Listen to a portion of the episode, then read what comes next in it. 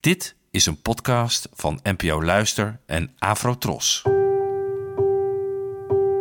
Poëzie vandaag. Met Ellen Dekwits.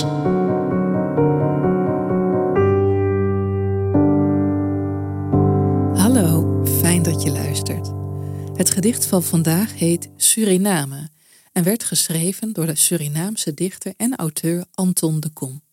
Geboren in 1898 en gestorven in 1945. Suriname. Branding van de zee. Kleine golfjes breken mee. Zand laat u ontglippen, met schuim op uw lippen. Het bos gaat ontgloeien, zwaarder gaat geloeien. Het land beukt terug en kromde de rug, het schelp bewassen strand, speelmakker van het land. Weerstaat uw slagen, uw luim en uw plagen. Ja, Anton de Kom, die kennen de meeste mensen als verzetsheld en natuurlijk als auteur van het indrukwekkende Wij slaven van Suriname, maar hij was ook dichter. En het vers dat ik net voorlas lijkt op het eerste gehoor een ode aan zijn moederland Suriname. En als je het oppervlakkig leest, zou het louter een beschrijving van land en natuur kunnen zijn. Maar als je dit gedicht leest met in je achterhoofd het oeuvre en leven van Anton de Kom, gebeurt er meer.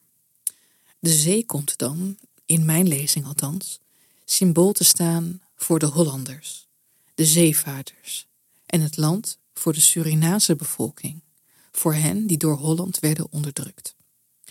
De zee probeert stukjes van het vasteland te veroveren, waardoor bij de laatste, zo staat er, het schuim op de lippen komt te staan. Maar dan volgt er een kentering.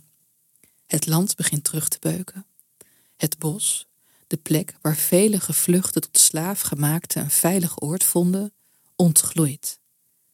En tenslotte lijkt er op het einde een vorm van empowerment te zijn. Het land weerstaat de slagen en plagen van de zee, haar grilligheden tot het water en dus de ander eindelijk geen bedreiging meer vormt.